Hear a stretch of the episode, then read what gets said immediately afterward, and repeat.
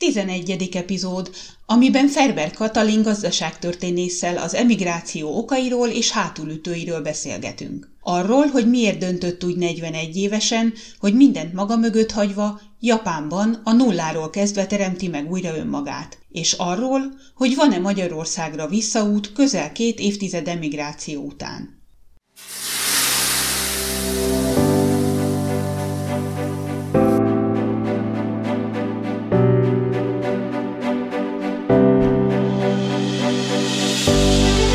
Ez itt a Finnország felé félúton, a Történetmesélő Podcast. Lapföld kapujából, Rovaniemiből mesélek neked a forró szaunák és a hidegvízű tavak országáról, és arról, hogy milyenek a hétköznapok az északi sarkörön.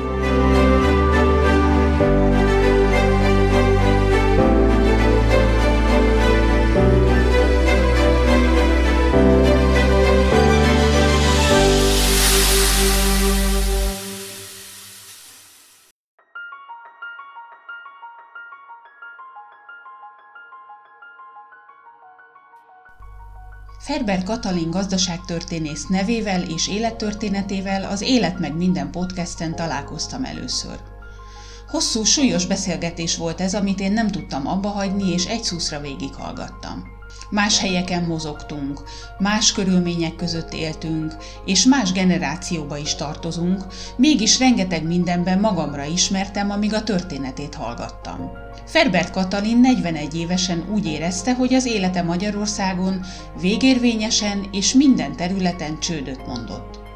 Gyökeres változásra volt szüksége, ezért 1993-ban egy 20 kilós bőröndel elindult Japánba. Három évre készült vendégtanárnak, végül az ország egyik legnevesebb egyetemének docense lett. És soha többé nem költözött haza. 17 évet élt Japánban, ahová a fukushimai nukleáris katasztrófa után nem tért többé vissza. 11 évvel ezelőtt japán férjével Berlinben telepettek le, és ott élnek a mai napig. Végtelen örömmel és büszkeséggel tölt el, hogy igent mondott a megkeresésemre, és a podcast első interjúját vele készíthettem el. Április végén Zoomon keresztül beszélgettünk.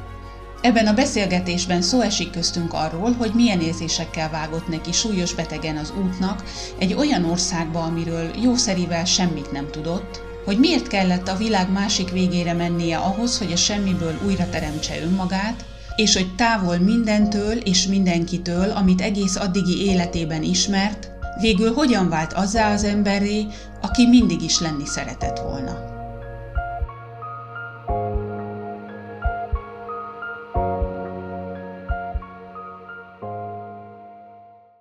Kedves Katalin, köszöntelek a műsorban, és köszönöm, hogy elfogadtad a meghívást erre a beszélgetésre. Hát, szia, meg a hallgatóknak jó napot kívánok, és én köszönöm a lehetőséget. Ahogy gondolkoztam az életutadon, mindazon, amiről veled beszélgetni lehet, rájöttem, hogy annyira hatalmas nagy élményanyag áll mögötted, hogy meg se próbálom ezt az egészet felölelni ebben az egybeszélgetésben, hanem megpróbálok inkább az emigrációra és az azzal kapcsolatos élményekre és érzésekre fókuszálni a mai beszélgetésünkben. Mm. És az első dolog, ami eszembe jutott akkor, amikor meghallottam azt, hogy te Japánba költöztél 93-ban, Ma lehet, hogy nem tűnik ez akkora nagy cuccnak, hogy fölülök egy gépre Japánba, de én azt gyanítom, hogy ez egy egészen más érzés volt annak idején. És ami a legeslegelőször eszembe jutott, hogy hogyan pakolsz össze egy bőröntbe, vagy kettőbe egy repülőútra Budapest-Tokió, csak oda repülőjegyel a zsebedben. Hát ugye én 93. március 15-én mentem el Magyarországról, Londonon át mentem Tókióba. Április 1-től volt a megbízási vendég tanári szerződésem egy magánegyetemen Tókióban. Előre bocsátom, hogy semmit nem tudtam, se Tókióról, se Japánról. Igen, ezt nem akartam kérdezni, hogy... Japánul. hogy nem, nem tudtam a nyelvet, arra vettek meg idézőjelben, hogy angolul tanítsam a saját szakmámat, ami közép-kelet-európa 19-20. századi összehasonlító gazdaság és pénzügy története. Ezt egyébként röviden úgy szoktuk mondani, hogy a késő jövők modernizációja.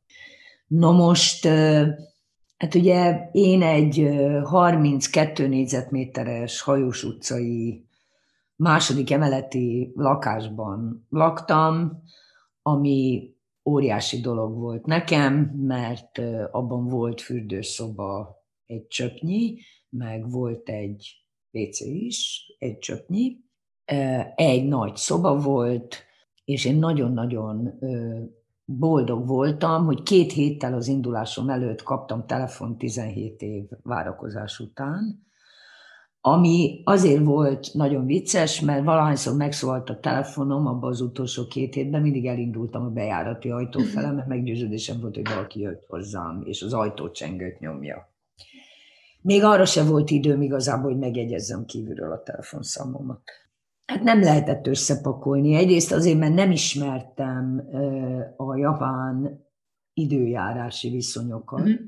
Másrészt, mert összesen Budapesten, erre ma is emlékszem, négy ember volt, aki megjárta Japánt.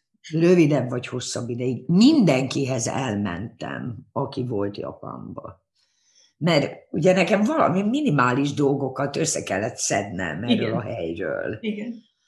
No most, hát azért persze megköszönöm utólag is a segítséget, de hát nem lettem sokkal okosabb. Arra viszont jó volt, hogy felmérjem, hogy Magyarországon az, hogy valaki Japánba megy dolgozni, az egy abszolút bizarr és unikálisnak számító dolog, mert miért nem Amerikába megy, vagy miért nem Angliába, azt mindenki érti. Azt, Igen. azt, azt mindenki Igen. érti.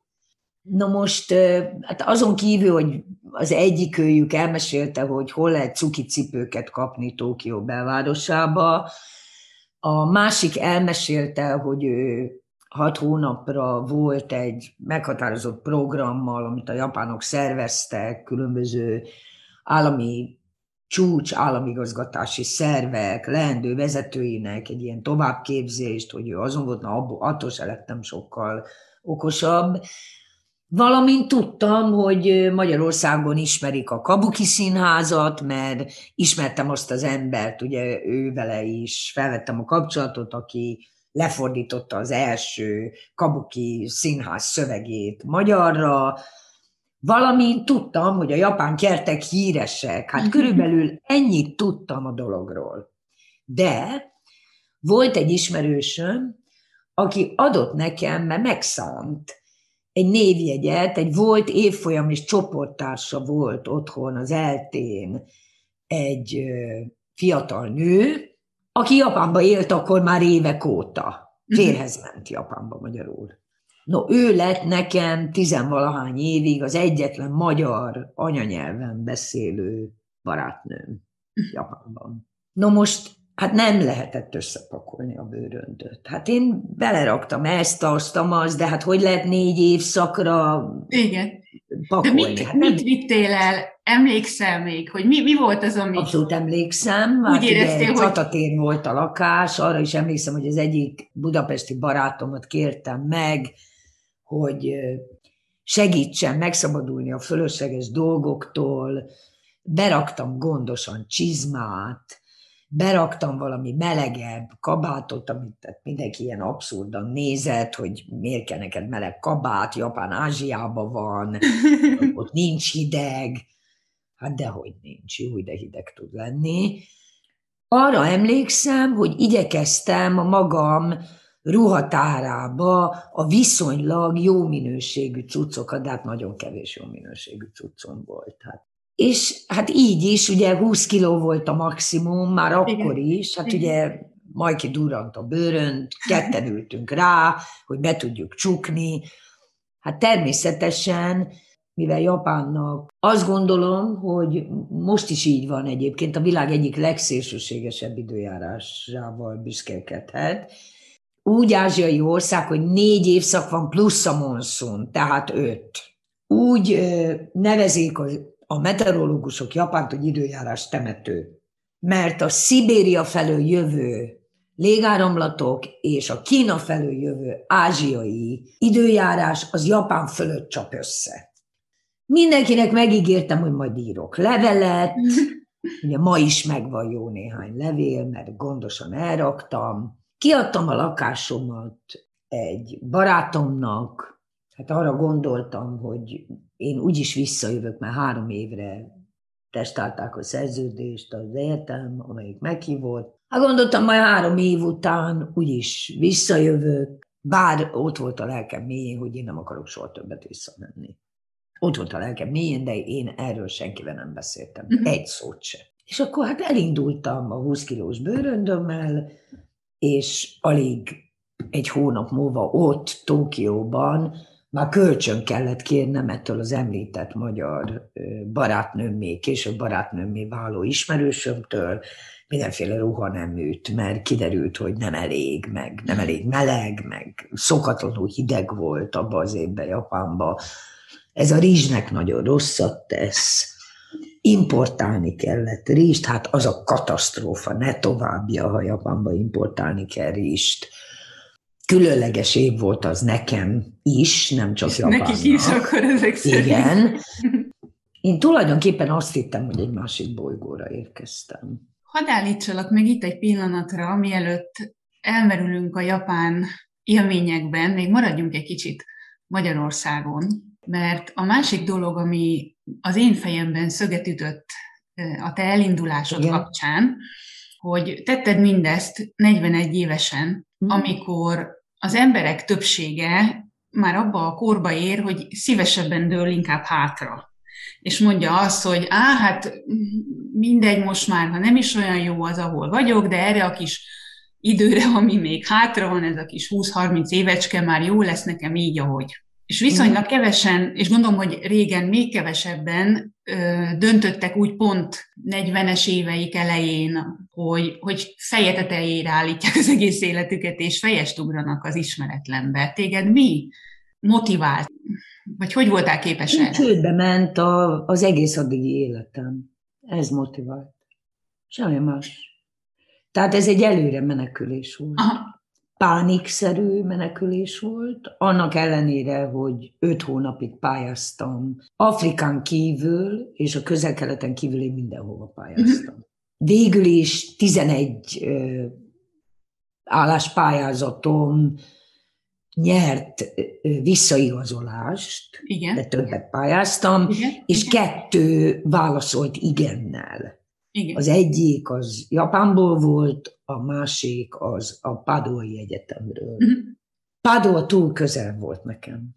Tehát én már ott korábban dolgoztam, rövid ideig, tehát havonta egyszer mentem néhány napra a Padói Egyetemre, de, de hát azt tudtam, hogy Padua nekem nagyon veszélyes, mert onnan bármikor ha könnyedén haza tudok menni. Én nagyon messze akartam menni. Csődbe mentem, mint ember, csődbe mentem, mint nő, csődbe mentem, mint szakmabeli, én úgy éreztem, hogy semmiféle mélység és magasság, szélesség és hosszúság számomra már Magyarországon nem áll rendelkezésre. Nekem el kellett onnan menni, mert úgy gondoltam, hogy, hogy én elpusztulok, ha otthon maradok. De szó szerint. Tehát ugye ehhez a háttérként a hallgatók számára ugye az nélkülözhetetlen információ, hogy én akkor már hetedik éve egy rendkívül súlyos autoimmunbetegségbe szenvedtem, és az engem kezelő, mert gyógyítani nem tudták, csak tüneti kezelést tudtak adni, az engem kezelő orvosok, immunológusok egybehangzóan azt mondták, hogy az autoimmun betegségem pszichés eredetű, és ha nem teszek rendet a fejembe, mert onnan ered ez a betegség, akkor meg fogok halni, de nem majd, hanem hónapokon belül. És hát ez hatott. Hát én a mai napig, egyébként barátaim, ezek az orvosok ma már, én a mai napig szavakkal, szinte kifejezetten hálával tartozom nekik, hogy megmondták. Uh-huh. Ezt meg kellett nekem mondani. Igen, igen. Ezt meg kellett nekem mondani. És akkor álltam neki pályázni. Utólag az orvosok egy évvel később, amikor hazamentem először Tokióból Budapestre, és bementem a klinikára, nem ismertek meg, nem ismertek meg, és hamarjában összehívtak egy ilyen gyors workshop-szerű mm. megbeszélést, hogy hát nézzék már meg ezt a csodát. Mert ugye persze ez nem csoda volt, hát ezt tudtuk mindannyian, hogy nem csoda, meg nem spirituális, meg Igen. nem tudom mi. És utólag ők akkor ott bevallottak nekem, hogy ők abban nem voltak biztosak, de ezt már nem merték nekem megmondani, hogy túlélem a 12 órás repülőutat.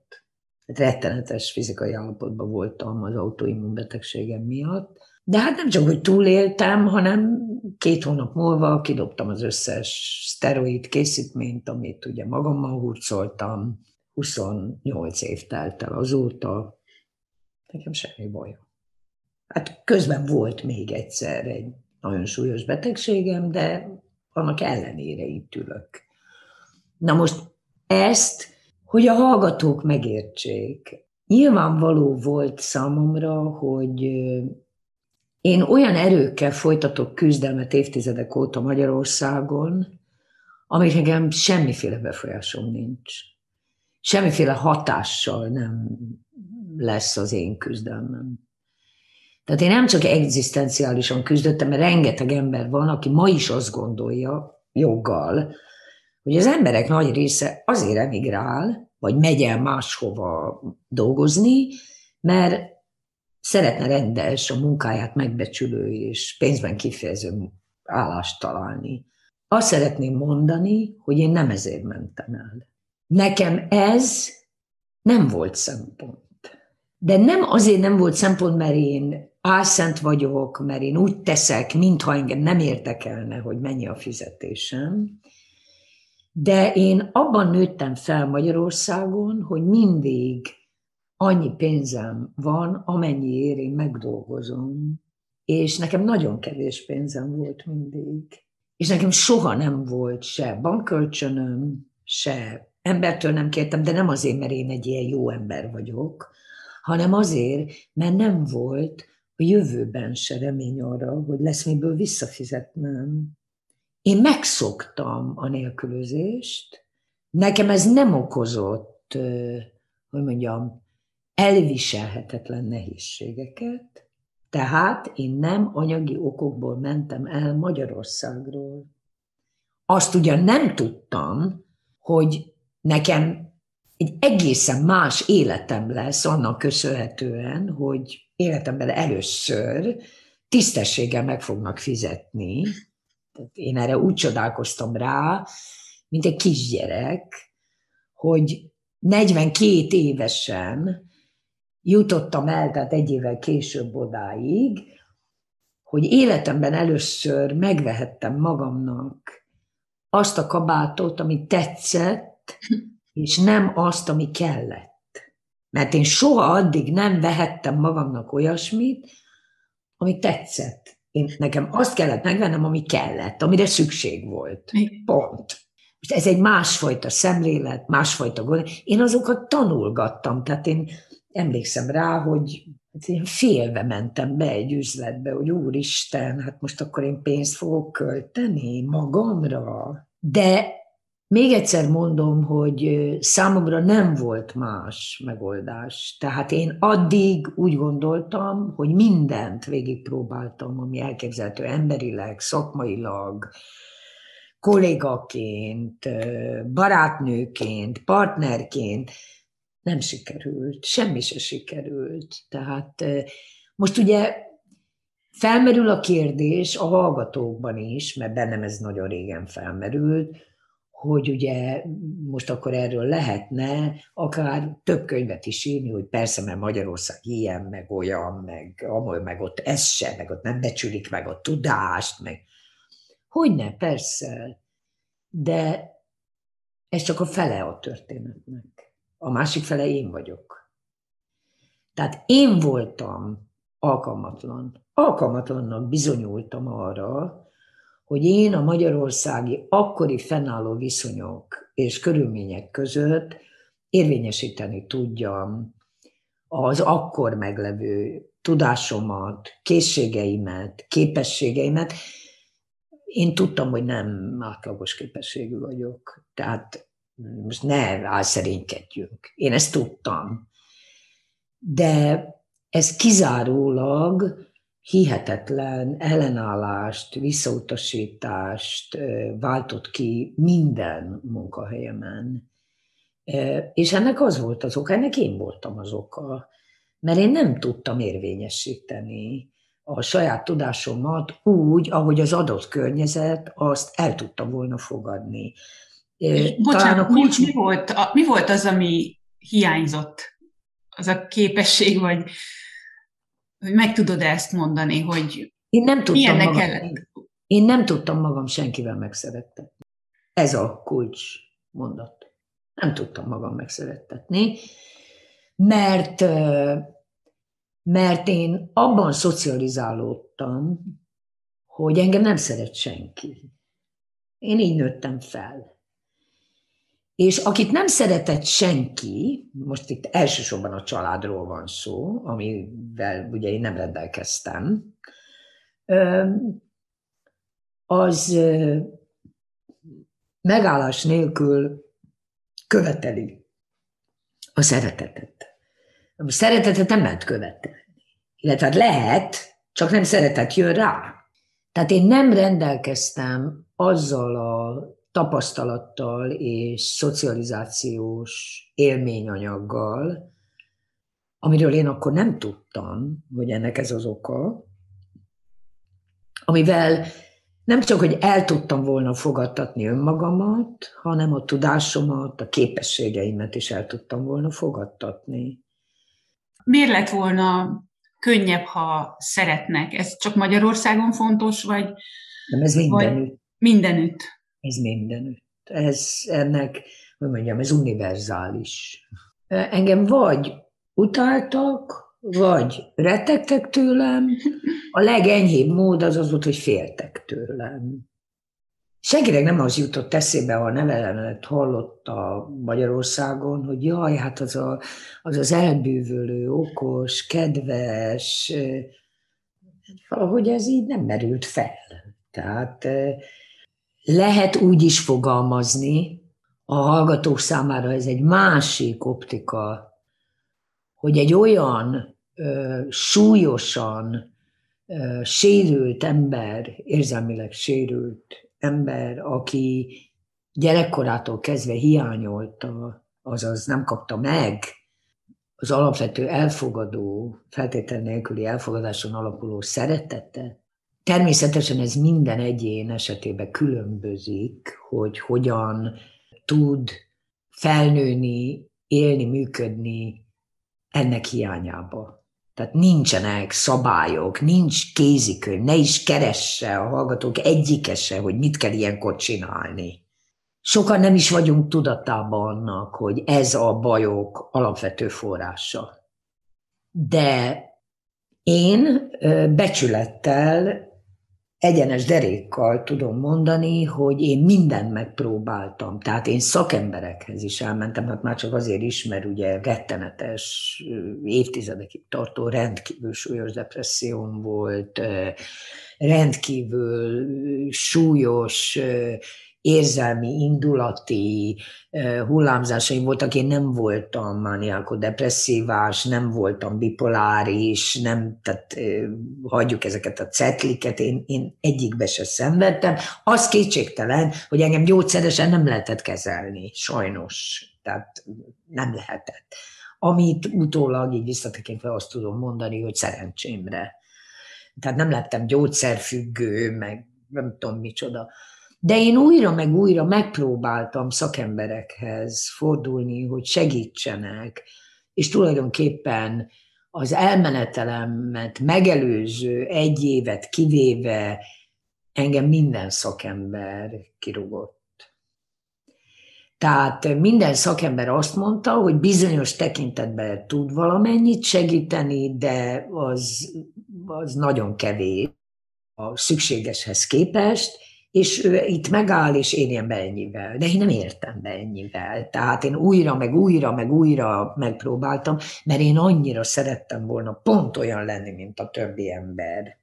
Pont olyan. Hála Istennek egyébként nem lettem olyan, de, de egészséges szerettem volna lenni, normális szerettem volna lenni, szerettem volna, hogyha ha nem félnek tőlem, ha nem rettegnek tőlem. Igazából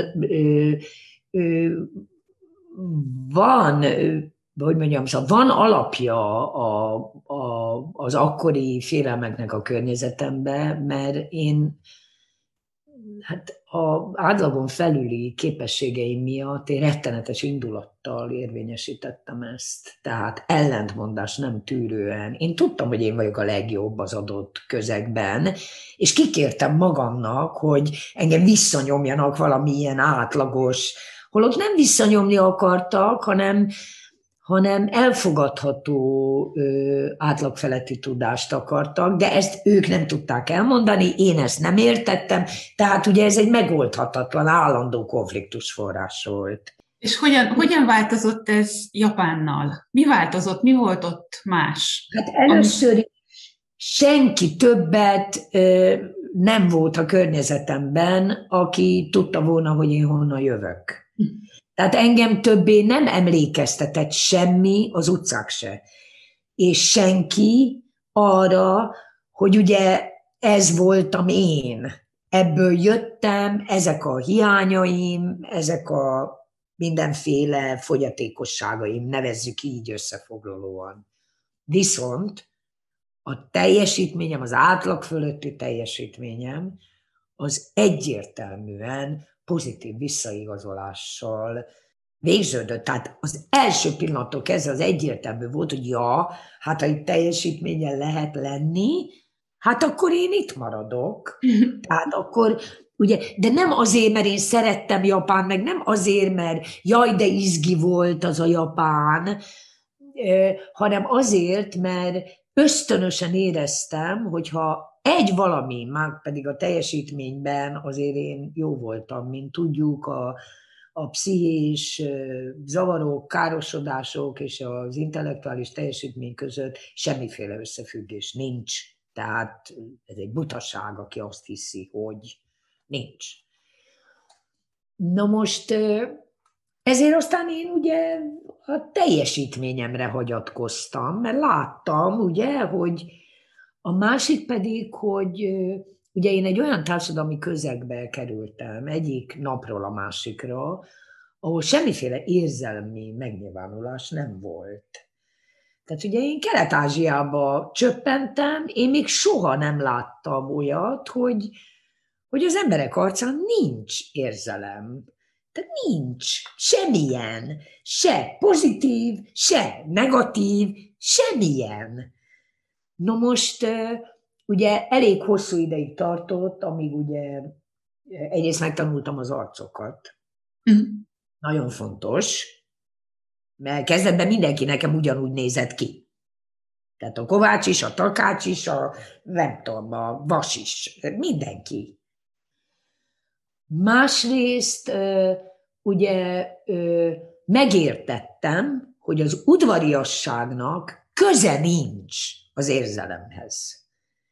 Tehát ugye én hajlamos voltam mindig a, a, a szegénységem miatt. Ugye én egy nagyon szegény gyerekkorban nőttem fel, és ugye látszott is rajta mindig az öltözékemen is, mindenen, hogy ugye én nem vagyok jól eledeztve, úgymond. És ugye, hát ezért én ezt egyrészt a teljesítményemmel, másrészt a mérhetetlen udvarias stílusommal próbáltam ellensúlyozni.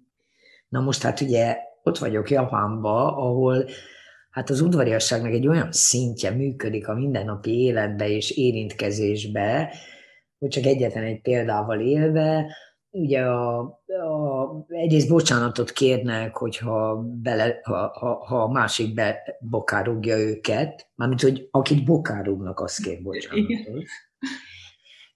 Másrészt ugye az egyik kedvenc fordulat, kifejezés, ami minden, szinte minden második mondatukban szerepel, hogy elnézést, hogy élek. Ez szó szerinti fordításban ezt jelenti, de hát az elnézésnek egy elég komoly formája. No most, amikor megértettem, hogy az udvariasság, ami szocializációs termék, ugye, mert ezt tanulják az iskolában a gyerekek, és az érzelmi megnyilvánítás nem azért udvarias, mert kedves, de hogy kedves.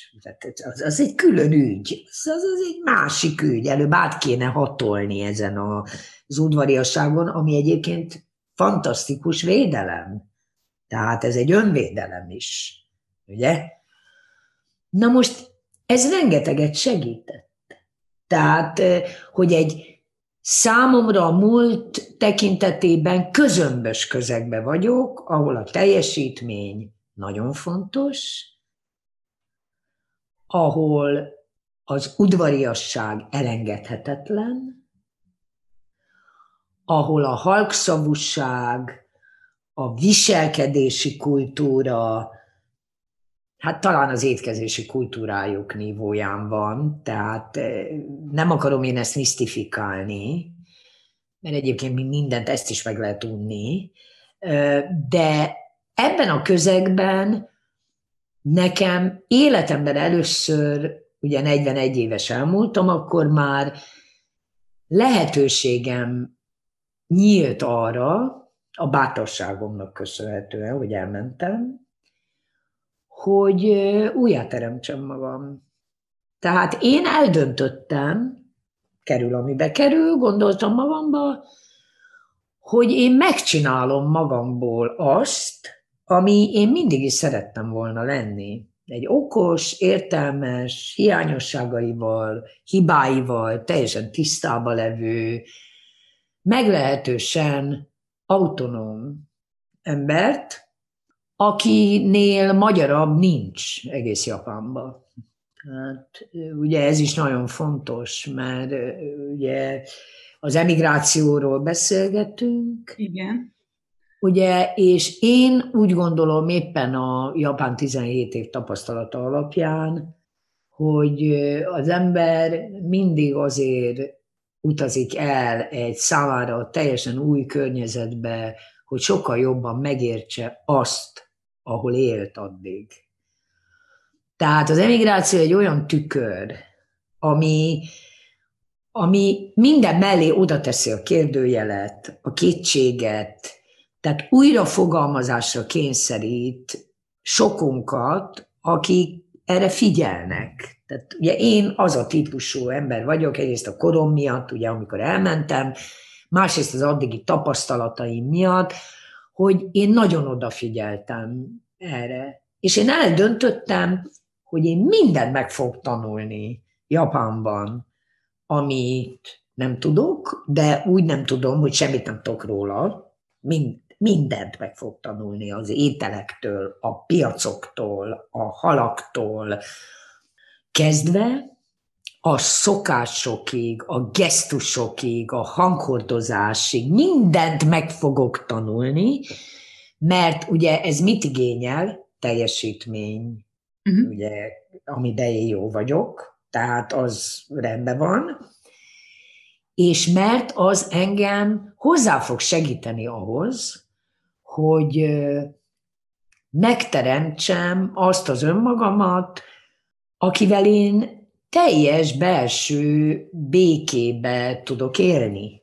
És akkor talán már nem fognak tőlem félni, akkor talán. De ez nem volt tudatos, hanem ez az évek során, ugye, ahogy történtek a ked, meg a szerda, meg a nem tudom mi, így e, alakult ki. És amikor... Mennyi, ideig ugye, tartott ez körülbelül ez a folyamat? Hány év, év kellett? Hét. Hét év kellett. Igen. És mikor érezted azt, volt egy olyan pillanat, vagy emlékszel rá, hogy mikor, mikor érezted azt, hogy kicsit úgy fellélegezhetsz, hogy jó, jól döntöttem, jó helyen vagyok, jó felé indultam el? Akkor, amikor ugye ez egy kicsit unalmas a hallgatók számára, de ugye nekem elég nehéz volt, én öt évig tanultam, és közben ilyen óraadói állásokból szó szerint tengettem a mindennapjaimat, mert az nagyon nehéz volt, ez tényleg az első öt év az nagyon nehéz volt. De amikor hirdettek egy olyan állást, amiben az is egy félállás volt, de nem óraadói, egy Tokió alvó kerület, tehát Tokion kívüli alvó negyedben levő egyetemen, ahol az úgynevezett Japánnal kapcsolatos társadalomtudományokra okították a külföld különböző országaiból érkező diákokat, és egy programba kerestek egy tanár, és amikor engem oda felvettek, de úgy vettek fel, hogy szinte én nem is értettem, tehát három perc alatt fölvettek, és később én lettem a program igazgatója, fél év múlva én lettem a program igazgatója, mert annyira, de annyira sokat tudtam én akkor már, és akkor már japánul is elég jól tudtam. És szó szerint a fél egyetem úgynevezett tanulmányi osztály bürokratáitól kezdve a diákokat küldő egyetem rektoráig, dékányáig, dékányhelyetteség a világ másik feléből odajöttek az órámra, mert nem hitték el, hogy ilyen van, hogy ilyen lehet. Na most én akkor tudtam, pedig nekem akkor az csak egy teszt volt, hogy mennyit tanultam meg hét év alatt mindabból, amit elhatároztam. Hát elég jól vizsgáztam magam előtt, szóval tehát ugye csődbe ment a programjuk, én rendbe hoztam, és ma is a mai napig Japán egyik leghíresebb és legtöbb pénzt hozó programja lett. Tehát akkor én megértettem, hogy igen, szóval ez, ez a helyes út. Szóval ez, tehát a teljesítményemre kell támaszkodni, mert az mindig működik. Tehát az, abban nincs kétség. Tehát, de szó sem volt, tehát Ebből, ebből a szempontból megkönnyebbültem, de abból a szempontból nem könnyebbültem meg, hogy ez is egy félállás volt, és az teljesen nyilvánvaló volt, hogy, hogy ez nekem hosszú távon járhatatlan út. Tehát nekem teljes állás kell, mert ugye a félállásoknak az a természetje, hogy egyre lejjebb nyomják a munkaerőt, a munkaerőpiacon, mhm. bérben, megbecsülésben, szociális juttatásokban, tehát ha én bent ragadok ezen a, a, ebbe a piaci szegmensbe, nem tudok többet belőle kijönni. Tehát én azt láttam magam mm. körül. És akkor hát egy nagyon merész dolgot csináltam, elmentem vidékre dolgozni teljes állásba. Azzal véglegesen megszereztem tulajdonképpen a jogosultságomat, hogy Japánba maradjak, újabb évi vízum kérés nélkül, és akkor azt mondtam a ma is férjemnek, Hirosinak, hogy na, akkor most már összeházasodhatunk. És akkor megkérdezte, hogy minek. Mire mondtam neki, hát ugye akkor már 7 éve voltunk, vagy 8 éve együtt, mondtam neki, hogy azért, mert most már nem kell. És így házasodtunk össze. Tehát innentől kezdve ugye nekem minden tekintetben minden a saját jogomon működött már Japánban én elviselhetetlennek tartottam volna a gondolatot, láttam magam körül a rosszabbnál rosszabb példákat erre, hogy valaki egy házasság ölelő karjaiba borul, és azt gondolja, hogy azzal jön a többi cucc automatikusan. Hát nem jön. Japánban meg kiváltképp nem jön. No most ugyan nem sikerült, én 520 kilométert ingáztam hetente a vidéki állásomban.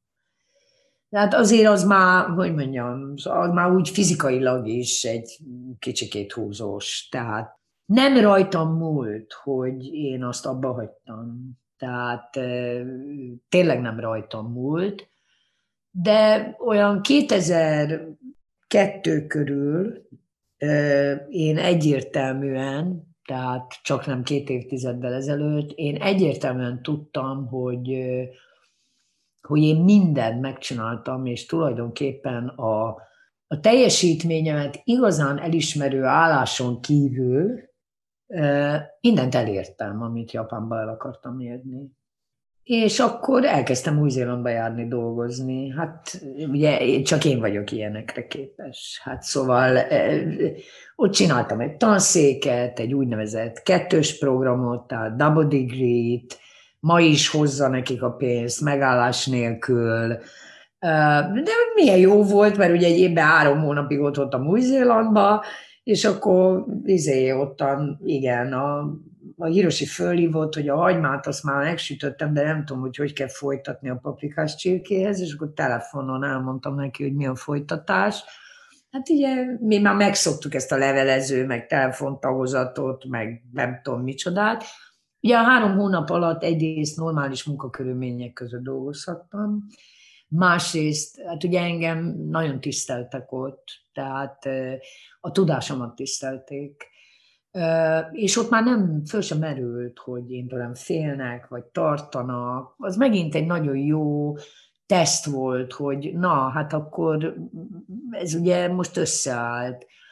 És akkor éppen mentem megint, ugye egy évben e, e, egyszer mentem három hónapra, és éppen indultam volna megint, amikor megkeresett egy volt tanítványom, aki éppen akkor a Harvardon volt, a posztgraduális képzésen, hogy képzeljem el, hogy hirdetett Tokióban a leghíresebb magánegyetem, egy új karra, illetve új tanszékre csak külföldieknek állást, és hogy nem is hirdette meg az álláspályázatokat Japánban, csak, a, csak Amerikában a Chronicle of Higher Education-be.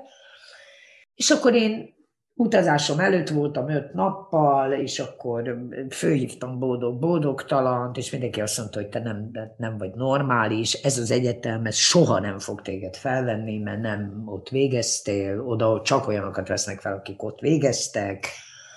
Na, akkor megnéztem a pályázatot, három és fél napig, ugye pedig nekem nagy gyakorlatom volt a pályázatokban, írtam, mert ilyen boríték lett, hát borzasztó volt, hát és akkor én még emlékszem rá, hogy Kuala Lumpuron keresztül mentem, tehát Tokió, Kuala Lumpur, Auckland, és még Kuala Lumpurból felhívtam a férjemet, hogy, hogy akkor föladtad-e ajánba, mert ugye már arra nem volt időm, hogy föladjam. És mondta, hogy persze. És akkor én szépen ugye Új-Zélandba ottan tekerektem, ugye dolgoztam, és akkor egyik reggel, szombat reggel, vagy nem tudom, péntek reggel, nem péntek reggel lehetett, fölhívott a férjem a szállásomon, hogy értesítettek, hogy mennyi interjúra.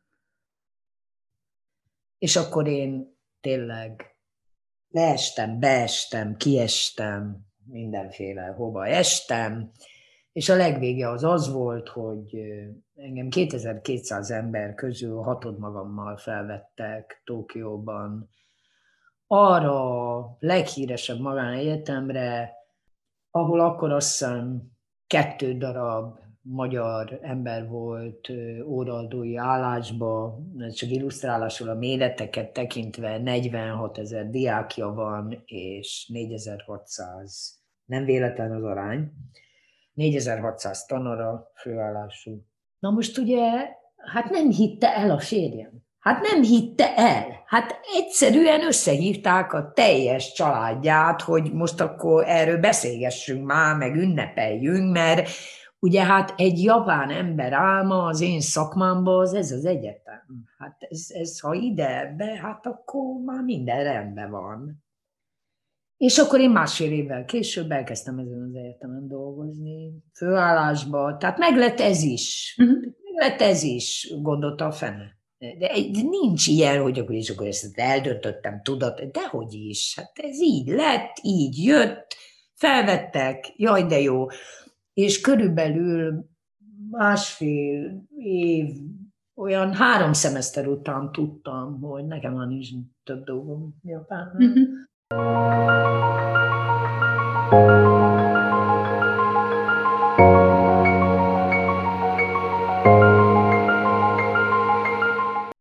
miközben nekem megvolt az állásom, olyan fizetésem volt. Én többet kerestem, mint a saját férjem, aki 36 éve dolgozott japánként, egyetemi tanárként Japánban.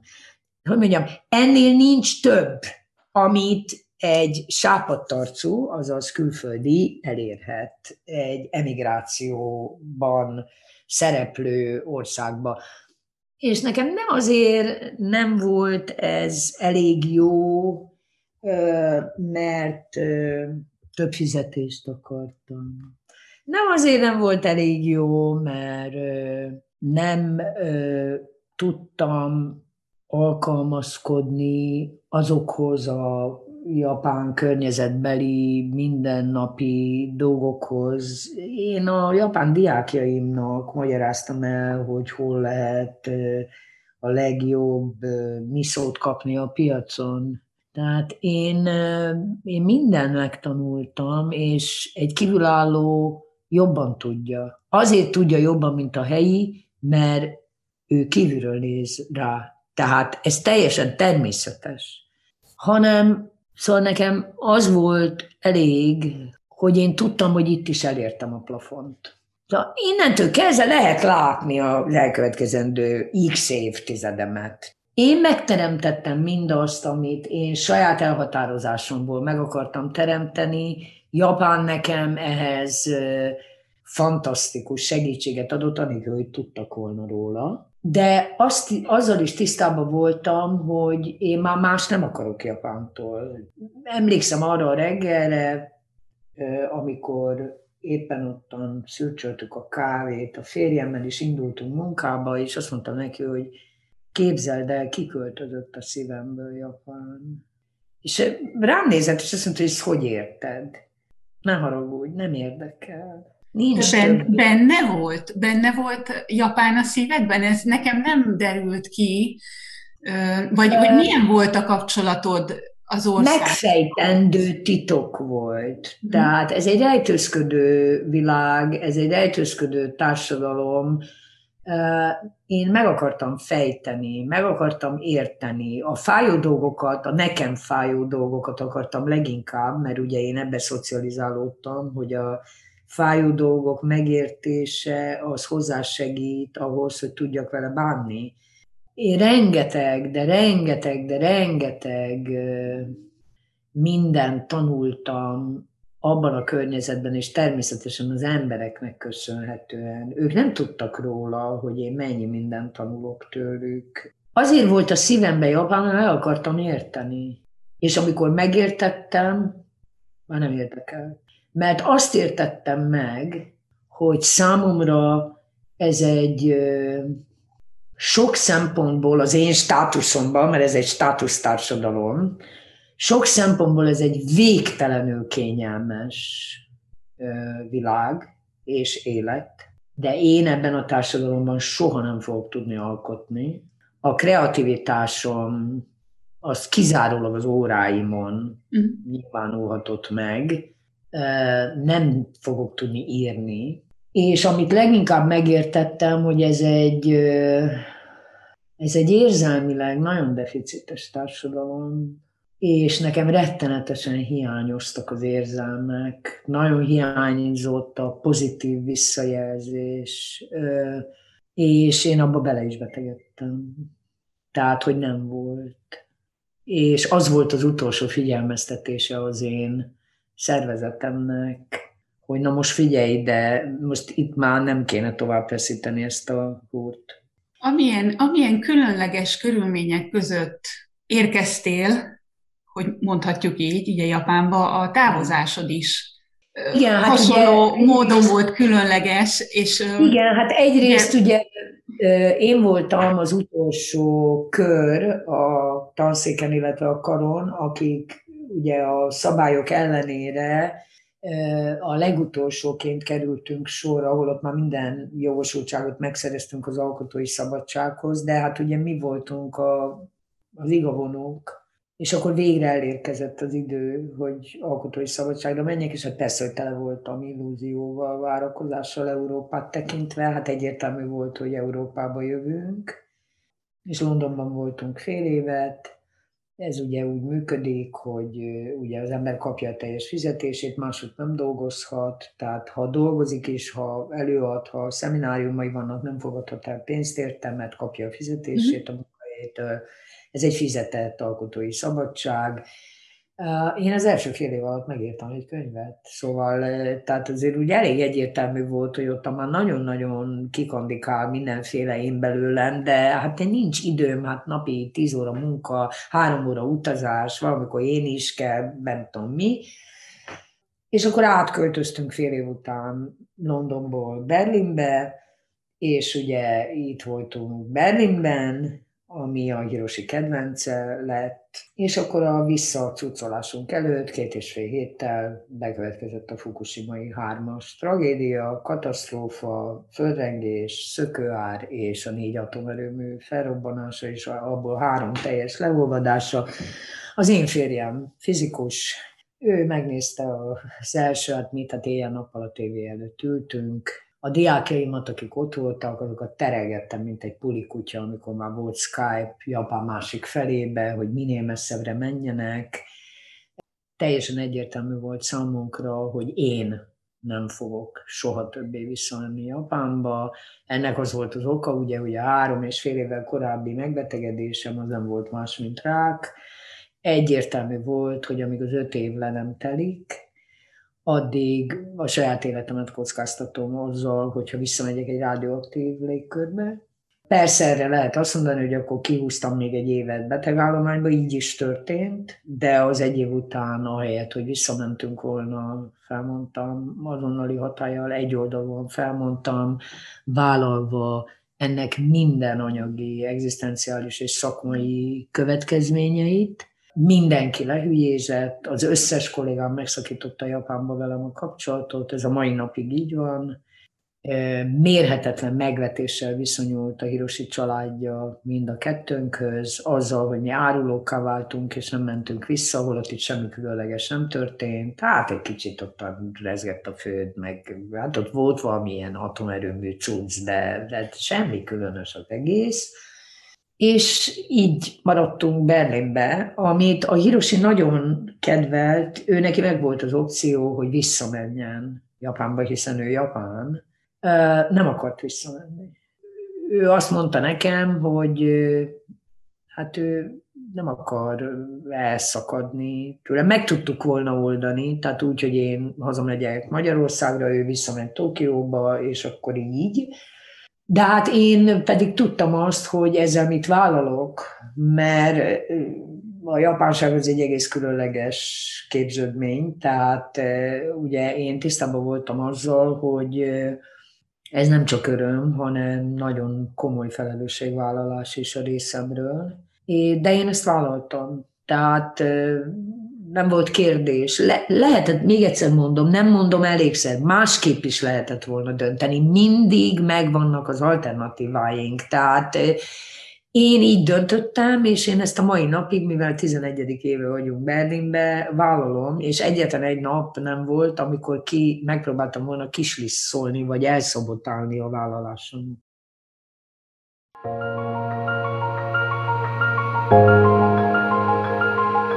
thank you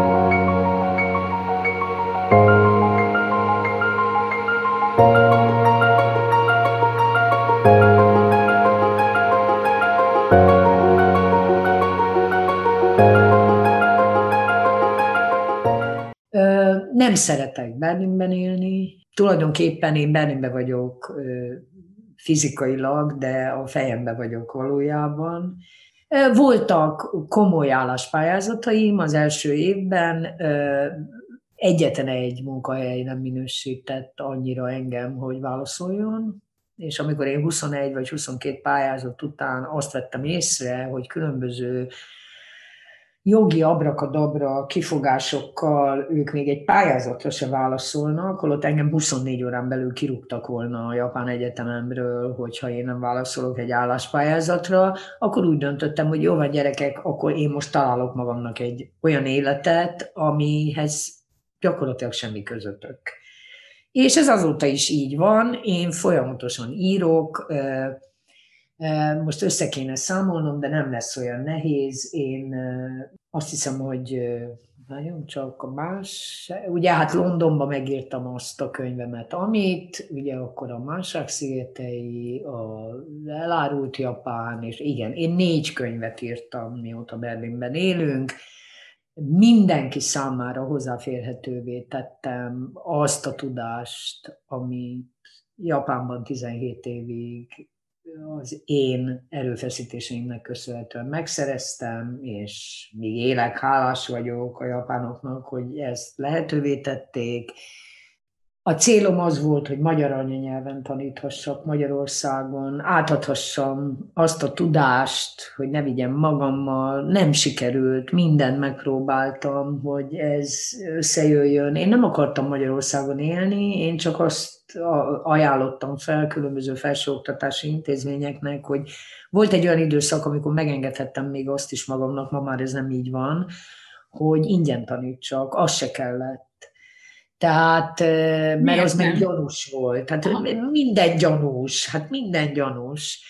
És akkor eldöntöttem, hogy előások olyan készségeket és képességeket magamból, ami vagy van, vagy nincs. Ez csak menet közben derül ki és akkor kiderült, hogy én tudok írni. Én az a ritka ember vagyok, aki azt mondhatja, hogy csak azt csinálja évek óta, amit szeret csinálni. Én mindenféle műfajt kipróbáltam, megtanultam, de csak olyat, amit szeretek. Tehát én megpróbálom ötvözni azt, hogy nekem ne kényszeres legyen, mert én nem tudok többé kényszerekbe élni. Én az életemnek a kétharmadát kényszerek, kényszerek erdejébe éltem. És Japán is egy nagyon erősen kényszeres ország a mindennapok életmódját tekintve. Tehát, hogy szeretem, élvezem, örömmel csinálom, és annak is örömet okoz esetleg, aki olvassa. És akkor ez így rendben van. Mert hogy az igazán jó minőségű dolog, az megmarad. Az is, amit én a tanításban csináltam. Mert a diákok viszik tovább. Ez elég. Ez bőven elég. Az írás pedig megmarad. Tehát nincs, ennek nincs semmiféle, senkit nem az érdekel, amikor, amikor ráfut véletlenül mondjuk a Meiji 19. század utolsó harmada modernizációra, és elolvassa szerintem életem legjobb írását, amely egy modernizációról, amire még a BBC főszerkesztője is azt mondta nekem, hogy ő egyszerűen nem hiszi el, hogy valaki tíz oldalban ilyet tud írni. Na most tanítják egyébként minden japán szakosnak kötelező.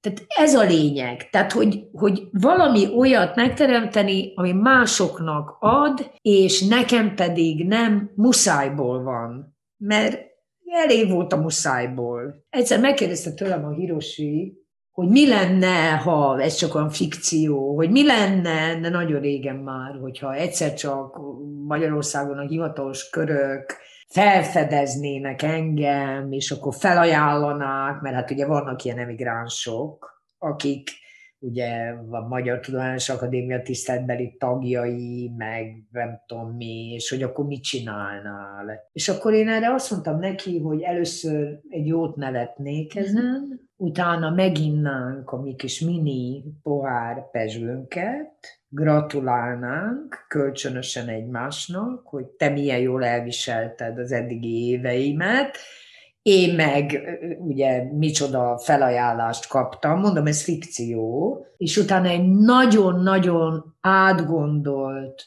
nagyon udvarias levélbe megköszönném, és elhárítanám. Tehát én nem vagyok partnere a hatalomnak, soha, sehol. Nem vagyok rá hajlandó. Egyszerűen azért nem, mert becstelenség lenne én csak így tudok egyensúlyba élni saját magammal és a környezetemmel. Tehát az emigrációm az nem a az nem annak érdekében zajlott 17 éven át, és aztán plusz még ugye azóta 11 éve, hogy én ilyen híres legyek, meg olyan ismert. Én azt gondolom, hogy az nagyszerű, amikor egy Karikó Katalin típusú ugye tudós megteremti az emberiség számára az utolsó reményt, ugye? De hát ugye én e, ilyen teljesen felesleges társadalomtudomány egyik ágába motorozok már jó néhány évtizede, mhm. nekem nem feladatom az emberek szórakoztatása, mert nem a szórakoztatóipar alkalmazottja voltam, Nekem az a dolgom, hogy azt lássam, amit mások nem látnak, vagy nem akarnak látni. És ebből következően én külön választom a, a hírességet, ismertséget, sikert a belső harmóniával tól. Tehát ez a kettő, ez ez nincs Jungtimban nálam egymással. Tehát az egyik legjobb barátom, régi barátom, aki egyébként elég jól ismeri egy egész más oldalról a japán és kelet-ázsiai térség mindenféléjét, az azt mondta nekem egy éve talán, hogy, hogy ő szégyeli magát, hogy Magyarországon nem beszél a mai napig észre, hogy, hogy én mit tudok és akkor én ezen elgondolkoztam, és megköszöntem neki, és azt mondtam, hogy én nem gondolom, hogy ez az ő felelőssége, tehát hogy ezt a terhet nem kell neki cipelni, de viszont azt gondolom, hogy ez, ez pontosan ugyanúgy zajlik, mint az elmúlt 200 évben mindig is zajlott Magyarországon. Tehát én nem vagyok különleges ebben, tehát mi több százezre elmentünk 1993 óta Magyarországról, és miután én a magam erejével, tisztességgel és a teljesítményemre hivatkozva megpróbáltam a tudásomat Magyarországra visszavinni, és ez teljes és jól egyenesen megfogalmazott elutasításba részesült minden oldalról, én úgy döntöttem, hogy jó, mert mindig vannak alternatíváink, hogy én más utat választok ahhoz, hogy, hogy mégis eljusson ez, az, amaz, így, úgy, amúgy. Most erre lehet azt mondani, hogy jaj, de ez nem hoz elegendő ismertséget, ez nem hoz elegendő pénzt, tehát lehet itt sorolni ezeket. De azt gondolom, hogy ez nem, nem ez a fontos. thank you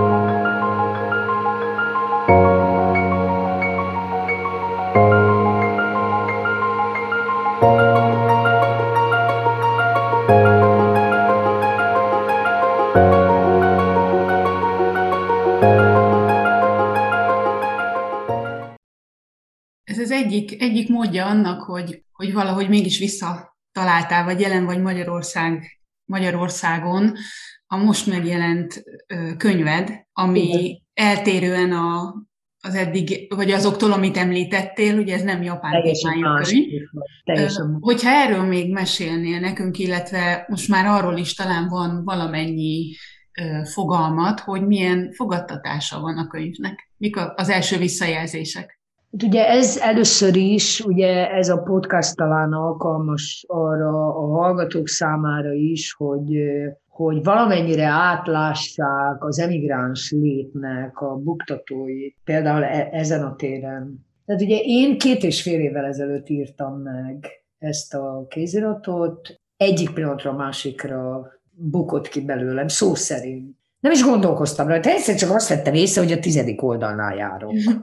Hát akkor meg már nem lehet abba hagyni. És akkor elkezdtem uh, kiadókat ostromolni, idézőjelbe ostromolni. Három rövid epizód, uh, úgy gondolom, hogy a kéziratom megbecsülése miatt mindenképp a hallgatóság számára ismert kell, hogy legyen. Az egyik főszerkesztő azzal hárította el, hogy nincs benne elég szex a másik kiadó az tudtom és engedélyem nélkül átírta a kéziratomat. A harmadik kiadónál közölték velem, hogy ez annyira szomorú, hogy ez soha senki nem fogja elolvasni, mert a magyar nép vidámságra vágyik.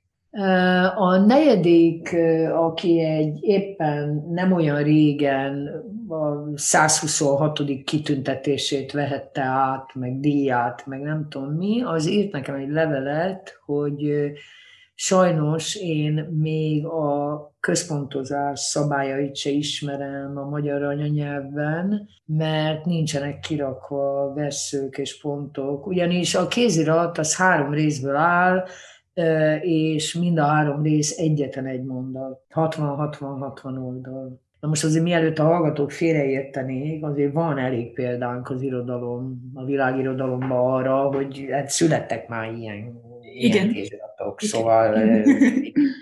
Na most volt egy olyan kiadó is, mert kétségbe estem, volt egy olyan kiadó is, ahol a megbízott szerkesztő, akire rábíztak engem, illetve a kéziratomat, az közölte velem, hogy azonnal, sürgősen forduljak pszichiáterhez, egy nagyon jó szakemberhez, mire én naivan megkérdeztem tőle, hogy miért, mire az volt a válasz, hogy azért, mert ilyet normális ember nem ír. Megköszöntem ennek a 20-valahány éves ifjú titán nőnek, hogy ilyen fantasztikus emberismerettel bír, és hát elbúcsúztam tőle egyszer és mindenkorra. Én tulajdonképpen lemondtam arról véglegesen, hogy ez a kézirat valahol megjelenjen. Ezt a kéziratot nekem erkölcsi, önmagammal szemben vállalt erkölcsi kötelességem volt megírni. Ez a kézirat, ez nem öngyógyító kézirat, az egy közérdekű félreértés, ez a hallgatóknak szól, hogy valaki azért írja meg a saját nagyon komolyan önreflexióval rendelkező múltját, annak egy részét, elsősorban az érzelmi részét, mert ezzel majd ő megnyugszik, meg megkönnyebbül, ez fordítva van, addig senki nem tud erről egy sort se leírni, amíg ez dolgozik benne. Tehát az én erkölcsi önmagammal szemben vállalt kötelezettségem az volt, hogy egyszer majd leülök, én nem tudtam, hogy mikor, de hát ez két és fél éve lett, és ö, leírom, hogy hogyan képződik egy olyan ö, életút, amiben tulajdonképpen semmi remény nincs. Semmire. És lám, mégis. Lám mégis. Tehát, mert ezzel talán másoknak is erőt és reményt adhat, de hozzáteszem, hogy én nem másoknak írtam ezt, az ember saját magának ír. Ez volt az egyik része. Na most ugye a két és fél év csönd, amíg ugye akkor abba hagytam a próbálkozásokat, nem tudom mit, az azzal telt, hogy azért én nem nyugodtam bele, hát Istenem, én nem egy beletörődő típus vagyok, és akkor egyrészt megkértem a Fodor János, aki egy régi ismerősöm még a régi rádióból, akinek van egy magán interneten működő rádiója, a Nőknek Nőkről, Bézs Rádió a neve, és ő ott megkérte a Létai Dórát, aki egy remek színésznő, hogy olvasson be egy-egy rövid részletet a három részből. Hát elképesztő sikere volt. És akkor még egy próbát tettem, mert hogy azt akartam tudni, hogy rossz-e ez a kézirat. Igen. Tehát Igen. Én, én azt akartam tudni, hogy sikere, hanem hogy rossz-e, mert ha rossz, akkor felejtsük el, akkor kidobom. És akkor befizettem 35 eurót a Facebookra, akkor még ugye ez volt a úgynevezett kereső és továbbító motor, és három rövid részletet ugye fölraktam ebből 21 ezer olvasója volt. 48 óra alatt több mint 200 idegen embertől, számomra idegen embertől kaptam levelet. Az meggyőzött arról, hogy ez nem rossz. Tehát ez messze van a rossztól, hanem hogy pont beletalált abba azokhoz, aki én is vagyok. Hát egy hónapja jelent meg a könyv. A címét is mondjuk el, mert az még a nem... könyv címe Életálom. Életálom és három része az, az apuálom, az anyuálom és az én álom. És ez tulajdonképpen a szüleim és az én viszonyomról szól, hogy egész pontos legyek arról a viszonyról, ami soha nem jött létre, mert nem jöhetett létre. Tehát ez Kelet-Európa 50-es, 60-as, 70-es évek, Magyarország és Kelet. Nagyszüleim, szüleim, hogy hogyan nyomorított meg három generációt az a történelem, amit nem is tudunk, hogy hol van. Tehát az úgy csak, mint a tank, ugye, így átgázol. Semmiféle befolyásunk, hatásunk erre nem volt, sem a nagyszüleimnek, sem a szüleimnek, sem nekem. És vele én vagyok az utolsó, aki emigrált a családból, mindenki emigrált. Ebből következően hát valamiféle mementó kell, hogy maradjon arról, hogy hát mi is történt itt az elmúlt 60-70 évben. Az első visszajelzések azok, hát ugye nagyon kevés van, mert hát egy hónap, Igen, még... és én 900 kilométerre vagyok Magyarországtól. De az első visszajelzések azok egészen drámaiak. Tehát azért drámaiak, mert, mert emberek, akik ismernek engem, és én természetesen ismerem őket, még ők is úgy viszonyulnak ehhez a kézirathoz, most már könyvhöz, hogy Úristen. Tehát valamiféle, nem, nem jó kifejezés, hogy lelkismert furdalás, de, de valami kellemetlen, zavaró, olyan ficergő érzés fogta el őket, hogy Úristen, és én ezt nem vettem észre, Úristen, és én erről, ne, a, erről nekem sikerült nem tudomást vennem. De én úgy gondolom, hogy ez nem fontos. Ez nem érdekes, mert ez róluk szól. Ez nem az én kéziratomról szól. Ami az igazán pozitív visszajelzés nekem, az nagyon furcsán hangzik, amit most mondok, az irodalmi. Tehát amikor emberek életemben először, tegyük hozzá a hallgatók számára, én 69 éves elmúltam, és az én születésnapi ajándékom ennek a könyvnek a megjelenése volt. Életemben először nekem emberek arról írnak, hogy ez egy fantasztikus regény, amit ők imádnak. Nekem ez a lényeg, mert én életemben először már nem csak írok dolgokat, hanem ezen olvasók számára én tényleg író lettem ezt nem a nagy, híres íróknak címzem. Én nem hasonlítom magam össze senkivel soha sehol. De hogy, hogy ebben is megteremthettem azt, ami nyilván öntudatlanul, de mozgott bennem évek óta, hogy ezt valahogy úgy megírni, hogy mások számára ne csak tükör, hanem egyúttal egy élmény legyen, amit az egyik barátom úgy fogalmazott, hogy ez bármennyire súlyos, mert ez egy nagyon súlyos szöveg, megemel. Azt érzem, hogy én más ember lettem ettől, jobb ember lettem, adott nekem valamit, amitől én jobbnak látom magamat, a világot, mire kacintottam egyet, és azt mondtam, hogy figyelj, ezt úgy hívjuk, hogy művészet. De hát nekem tulajdonképpen ez volt a legnagyobb ajándék a visszhangok közül. De én folyamatosan azzal nyugtatom magam, amit ugye a Hiroshi is nekem egyre gyakrabban mond, hogy figyelj, megjelent. Kész. Nem kell már ezzel foglalkozni. És ez egyébként így is van. Végezetül még egyetlen egy dolgot szeretnék igen. megkérdezni, ami, ami nem hagy nyugodni, hogyha végig tekintek az életpályádon, az emigrációdon, javíts ki, hogyha rosszul látom, de, de hogy nekem az volt a, vagy az a benyomásom, hogy Japánt választottad, de valahol mégse. Japánból Berlinbe szintén kicsit hasonlóképpen, tehát te nem Berlinbe indultál el, nem, hanem nem, de szintén egy lehetőség volt, amit elfogadtál. Hogyha ha te választhatnál, vagy te választhattál volna, nem szeretem az ilyen, mi lett volna, ha dolgokat Jó, de te... Szerintem de, ez minden elféri. De hogyha, hogyha szíved szerint élhetnél, vagy élhettél volna egy országban, mi lenne az? Hát Japán után én már úgy országokban nem nagyon tudok gondolkodni, mert eléggé, engem azért minden jóval együtt azért eléggé megviselt az a 17 év. Tehát olyan erőpróbák közön én mentem át, ami azért az elég sok volt, tehát több évbe tellett itt Berlinben, amíg úgy nagyjából kivasalódtam, meg kihevertem ezeket. Tehát országokban én már nem nagyon tudok gondolkodni. De helyekben igen.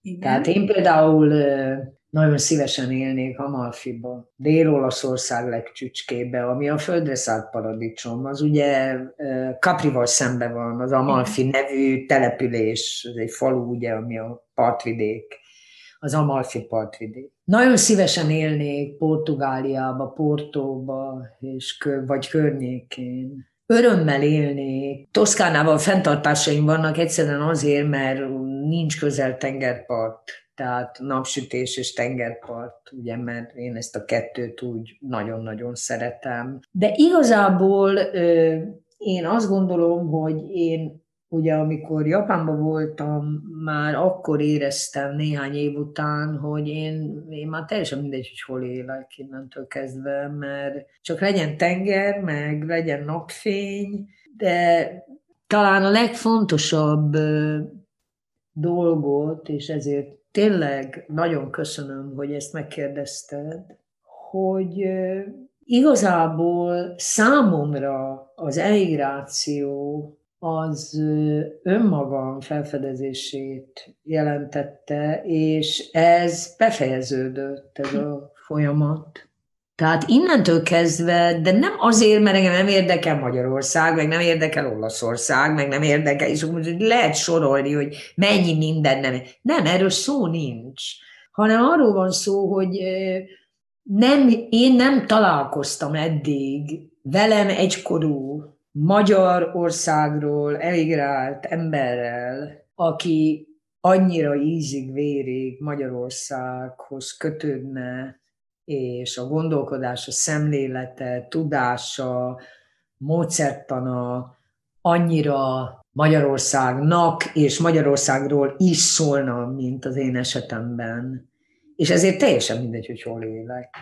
Akkor is ugyanezt és ugyanígy csinálnám, ha a felsorolt helyek valamelyikén lennék, a Malfiba, Portóba, Toszkánába.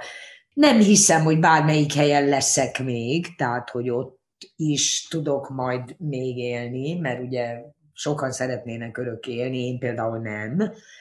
De igazából Japán, sorrend fontos, Japán és én meg tudtuk teremteni együtt azt, amiért én emigráltam, és innentől kezdve ez már az én vagyonom. Ez velem van mindig, tehát ez bárhol vagyok, az én vagyok. A hallgatók talán hallják, hogy 28 év emigráció után milyen anyanyelvi tudással bírok. És azt gondolom, hogy ennél tisztábban, világosabban nem lehet kifejezni eh, a számomra az emigráció igazi hozamát. Az anyanyelv nem automatikusan őrződik meg. Nagyon sok munkát igényel, folyamatosan és persze, hát biztos van slang, ami az elmúlt három hónapban született Magyarországon, és én még nem tudom, mert már több mint egy éve nem tudok hazamenni. De mindig nagyon figyelek a slangekre is, tehát rádírok és egyebek. De én azt gondolom, hogy kis túlzással, és teljesen mindegy már, hogy hol élek. Ez volt a Finnország felé félúton legújabb része. Ha tetszett, amit hallottál, iratkozz fel a csatornámra, hogy ne maradj le az új részekről. Ha már feliratkoztál, akkor se dőj hátra. Oszd meg a podcast linkjét másokkal is, hogy minél több ember rám találjon. Finnországról szóló olvasnivalóért és hasznos tippekért látogass el a szómiblog.hu weboldalra. Friss megosztásokért kövesd a Finnország felé félúton Facebook oldalt, a történetekhez kapcsolódó képekért pedig az azonos nevű Instagram fiókot. A weboldalon és a Facebook oldalon keresztül üzenetet is tudsz nekem küldeni. Tarts velem a jövő héten is! Szia!